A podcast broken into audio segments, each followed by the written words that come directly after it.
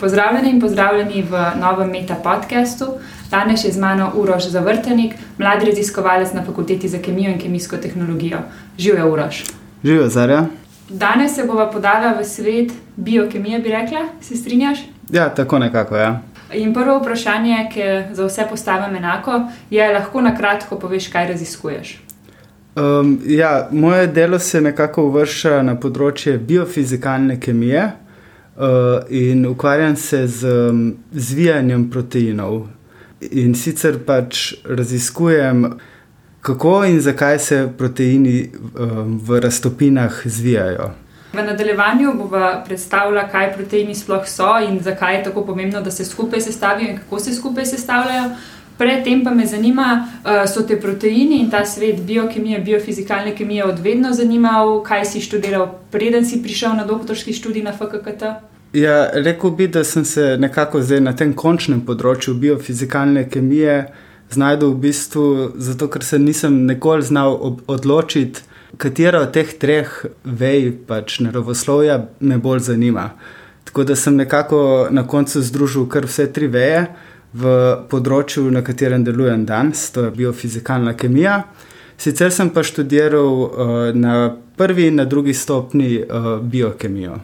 Omenil si sestavljanje, zvijanje proteinov, da te to zanima, da to raziskuješ že kar nekaj časa. Uh, kaj to pravzaprav pomeni? Deva začeti pri tem, kaj sploh proteini so. Proteini so v bistvu. Um, so strojčki, molekularni strojčki, ki delajo v celici praktično vse. Recept, kako jih sestaviti, je zapisan v genomu v obliki molekule DNK, ki se na to prepiše, in uh, na koncu še uh, prevede v aminokislinsko zaporedje. Zdaj, aminokislinsko zaporedje sestavlja 20 aminokislin. Te se razlikujejo tako po kemijski zgradbi, kot tudi po eh, fizikalnih lastnostih. Zdaj, glede na to zaporedje aminokislin, se ta verižica aminokislin sestavi v protein, ki pa zauzame neko tridimenzionalno strukturo na to v celici oziroma v raztopini. Eh, zdaj, ta struktura je pomembna za samo funkcijo proteina glede na to, kaj je proteinu namenjeno delati v celici, kaj je njegova biološka funkcija. Um, To v bistvu um, je predpisano samo njegovo uh, strukturo in z dinamiko samega proteina. Torej, na nek način se te aminokisline, omenil si, da jih je 20, uh, sestavljajo v neko tridimenzionalno strukturo, kot recimo, da bi se lego kocke bi sestavljalo v eno hišo, ko bi bile najprej samo v nekem traku. In tebe zanima ravno to, kako pridemo iz tega enodimenzionalnega, nekega linearne oblike v neko tridimenzionalno obliko. Tako je. Ja. Zanima me, uh, kako se um, torej zaporedje, aminokislinsko zaporedje, prevede v točno določeno tridimenzionalno eh, zgradbo proteina, ki mu na to omogoča upravljanje biološke funkcije. In proteini so izjemno majhne molekule tako jih ne vidiš, recimo, s prostim očesom, če so to deli celice, strojčki v celici. Ne, seveda ne. Um, proteini so zelo majhni, uh, zato ker um, pač delujejo znotraj celice in pač imajo tam svoje funkcije, ki temelji na skali celice. No. Mm -hmm. In uh, kako pa jih potem sploh raziskuješ? Ja, uh, zdaj, ker sem se usmeril bolj v fizikalno kemijo, um, ponavadi študiram čim bolj enostavne sisteme. Um, to je zato, da je sistem čim bolj definiran in da nimam nekih motečih dejavnikov, ki jih bi pač imel v celici. Zato so moji sistemi um, po svoje zelo enostavni uh, in vsebujejo enega ali več proteinov, ampak nikakor ne pač cele celice. In um, protein pač pridobim. Zdaj uh, pridobim ga lahko tako, da ga izrazim v neki celici in ga potem izoliram in pač očistim, tako da, sem, da imam samo ta protein. Uh, še bolj pa uh, mi je blizu pristop, ko preučujem samo en delček proteina. Torej, to um, je, poimenujemo peptid, to je krajš, krajši del nekega proteina, ki uh, sam po sebi mogoče nima funkcije, ampak ima vse tiste torej, zato ker študiram uh, zvitje proteina, ima, uh, ima vse tisto, kar ima tudi pač velik protein. Obnaša se zelo podobno, ampak je precej maj, manjši, zato ga tudi lažje razumem. Mhm, okay. Torej, ti dejansko ne gledaš neke kompleksnosti, um, da bi celo celico spremljal in vse skupaj, kaj se dogaja, ampak te uh, želiš ravno izolirati samo en protein, celo samo del proteina, da bi ga res podrobno razumel. In uh, imaš to kakšen poseben protein, ki ima kakšno posebno funkcijo za celici, za katero živimo, ali kako si to zbral? Uh, kaj... uh, ja, zbral sem v resnici en strukturni element proteina, uh, to je alfa-vijačnica. Uh, Alfa-vijačnica je strukturni element, ki ga najdemo praktično skoraj v vseh proteinih. To je najbolj razširjen um, strukturni element, torej samo zvitje proteina, ki potem sestavlja neko celotno zgradbo proteina. Uh, zdaj, to je tudi najpreprostejši element, uh, ki ga lahko v bistvu upodobimo v obliki peptida kar mene zanima, je alfa-vijačnica v različnih kontekstih. Lahko imamo samo alfa-vijačnico, neko preprosto, s nekim preprostim aminokislinskim zaporedjem, recimo, da je to samo alfa-vijačnica, ki jo sestavlja aminokislina alanin. To je nek tak preprost, modelen sistem. Uh, lahko pa imamo tudi bolj kompleksen sistem, ker je, imamo neko alfa-vijačnico iz proteina, kot je recimo nek intrinzično neurejen protein. Pri obeh teh proteinih poskušam študirati različne stvari. Na, na bolj preprostem sistemu, kot je polielaninska alfa-vijačnica, grem v neke, v neke bolj podrobne detajle, zato ker, uh, sistem, ker je ta sistem bolj definiran. Pri nekem uh, peptidu iz intrinzično neurejenih proteinov pa ga študiramo v resnici v interakciji z drugimi proteini. Zato, ker se ta protein v bistvu ob vezanju na tarčo zvije. Aha, ok, zato je neurejen. Sam po sebi ne pride do neke reakcije. Tako, sam po sebi je neurejen, ampak ko se veže na neko tarčo, torej tarča je nek drug protein v celici, da nimamo uh, se potem zveže, veže v alfa-vijačnici, pač, torej zauzame strukturo alfa-vijačnice ob vezanju. Uh, torej, tista preprosta, ta alfa-vijačnica, um, jaz sem prepričala, če poseben protein, pa je bilo mogoče to malo napačno vprašanje. Če zdaj prav razumem, se te, ta, to peptidno zaporedje najdemo v veliko različnih proteinih, ki imajo Tako. različne funkcije. Tako, ja. Ja. In tebe funkcija, oziroma vedenje tega strukturnega, ele, strukturnega elementa. Ja, tako malo bolj nasplošno. Torej, alfa-vijačnica v različnih kontekstih. Ja. Uh mhm. -huh. kakšne, kakšno nalogo naj bi imela ta alfa-vijačnica? Eno je vezanje in da se potem protein sestavi, uh, kaj pa še kakšne druge? Eno je seveda to, da, pač drži, da je del strukture proteina. Zdaj, uh, druga pomembna naloga recimo, je, kot sem že omenil, pri intrinzično neurejenih proteinih, kjer je to nek strukturni vezavni element. Um, v bistvu ta intrinzično neurejen uh, protein ne vsebuje same strukture alfa-vijačnice, ampak je ta nekako zakodirana v njegovo uh, aminokislinsko zaporedje in se inducira njen nastanek samo ob vezanju na drug protein. Mm -hmm, okay. Tako da tle imamo sklopljen proces zvitja in vezanja. Ha, sočasno se zgodi. Tako. Ha, okay, zelo kompleksen uh, biološki sistem, v bistvu na nek način, kljub temu, da stremiš k preprostosti. Ja, vse to, tle imam dve skrajnosti. E, e, eni sistemi, ki jih obravnavam, so zelo enostavni, drugi zelo kompleksni. In uh, zato jih po, obravnavam tudi z različno, bi rekel, globino. Okay. Torej, ne bolj podrobno. Pa v enih se verjetno tudi več ve iz pretekle literature, v enih se tako. Eni sistemi so že, torej recimo ta modelni sistem polialanina je že precej dobro naštudiran, eh, čeprav nekatera vprašanja ostajajo še vedno neodgovorjena.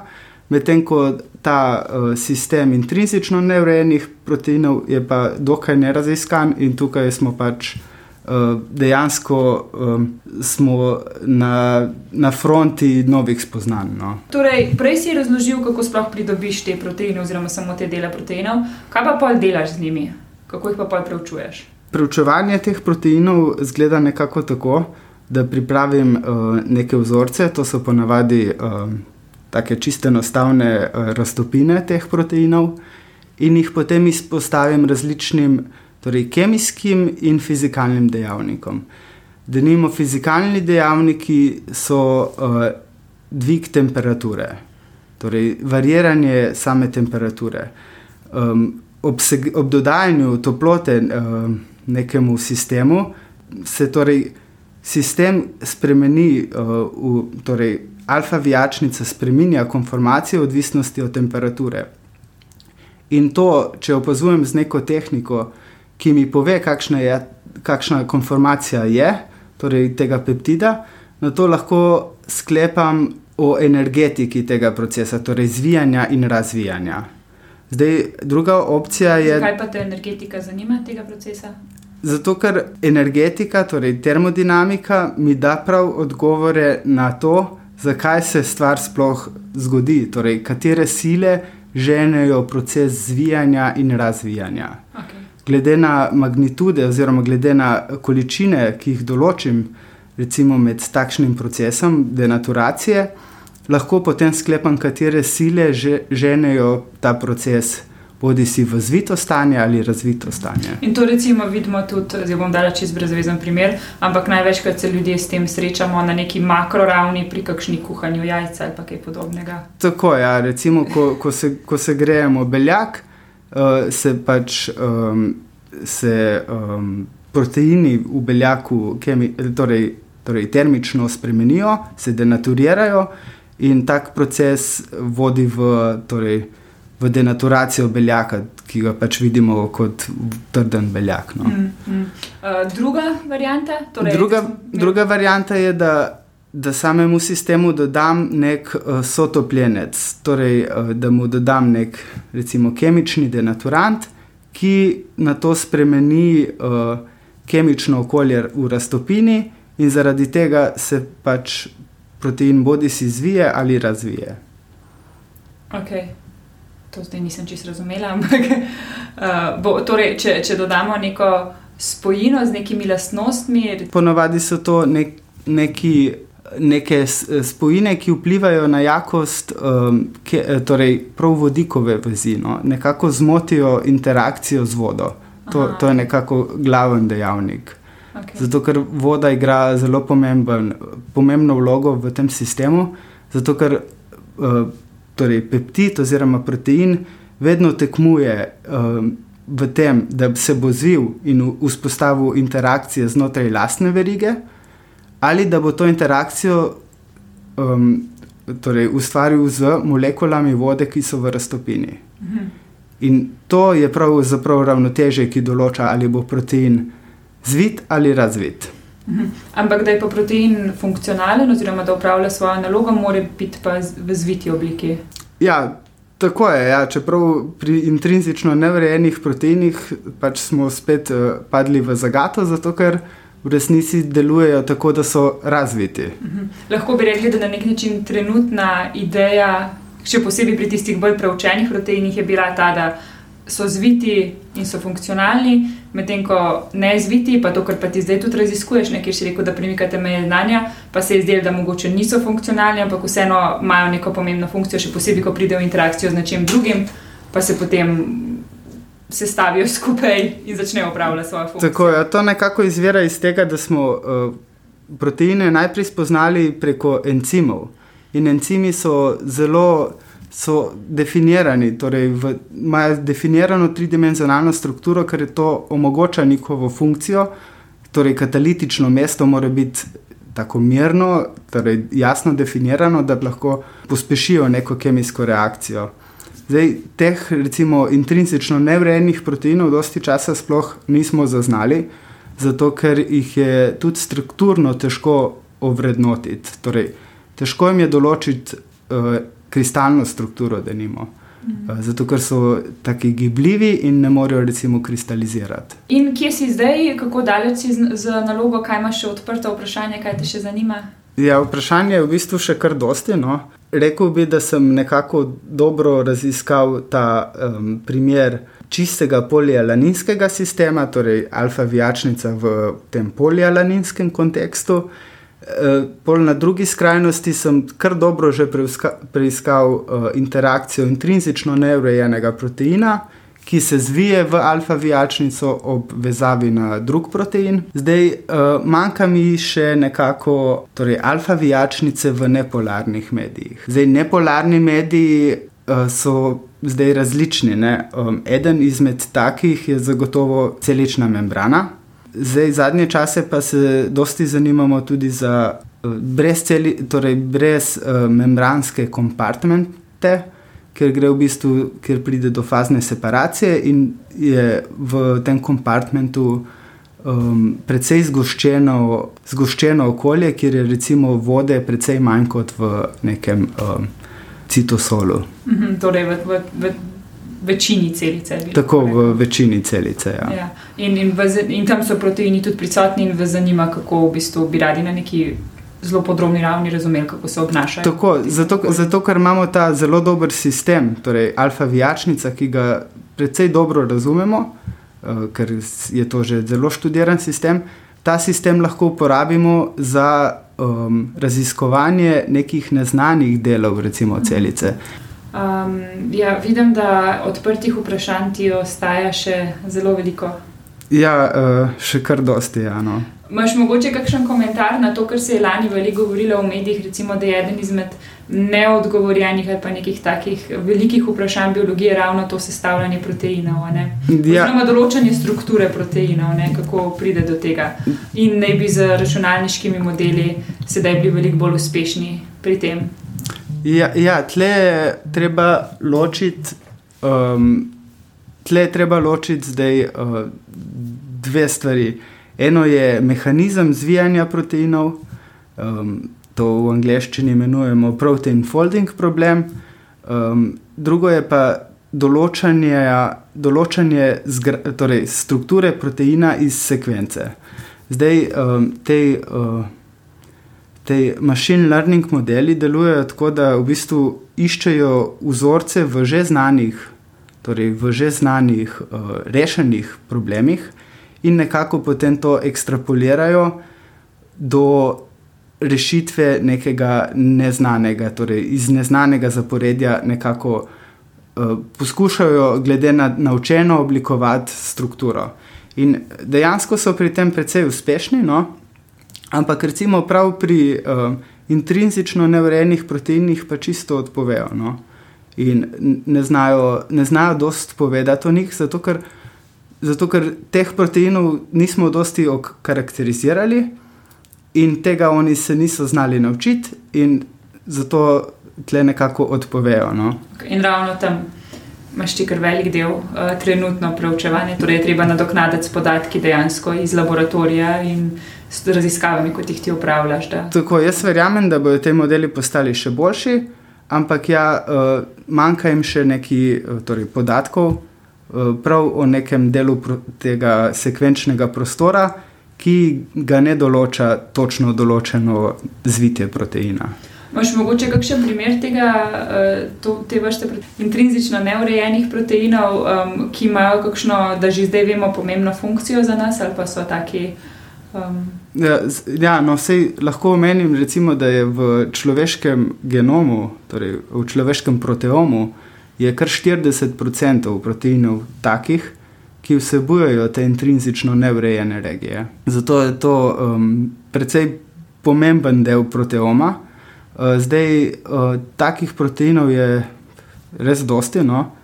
Mogoče lahko tle izpostavim enega takega zelo znanega, to je protein P53, to je zelo, zelo neurejen protein. Uh, je pa zelo pomemben, ker uh, deluje kot onkogen.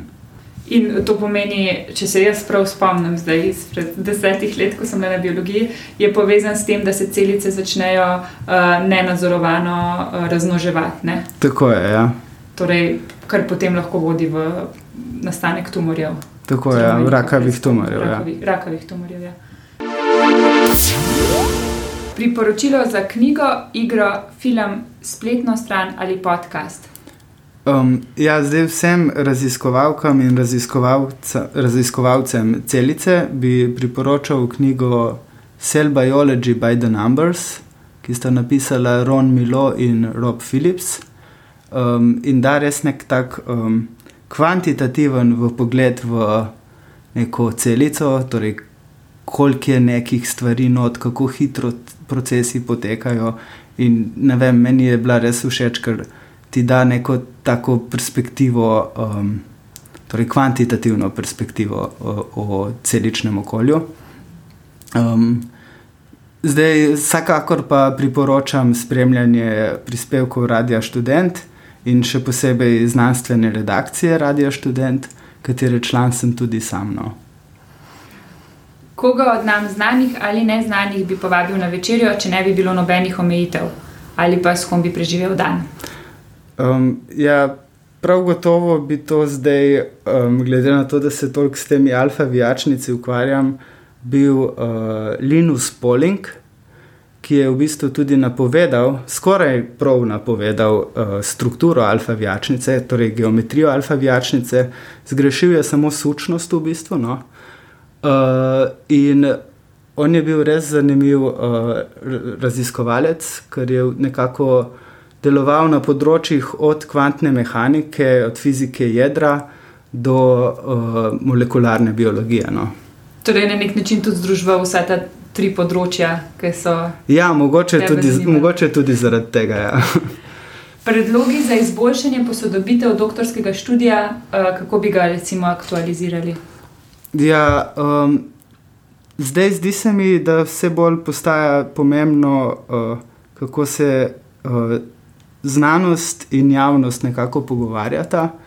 In tle se mi zdi uh, koristno, če bi torej, vsi doktorski študenti, če ne že prej, no, imeli tudi nek osnoven kurs, um, mogoče komuniciranja uh, znanosti uh, v javnosti. No.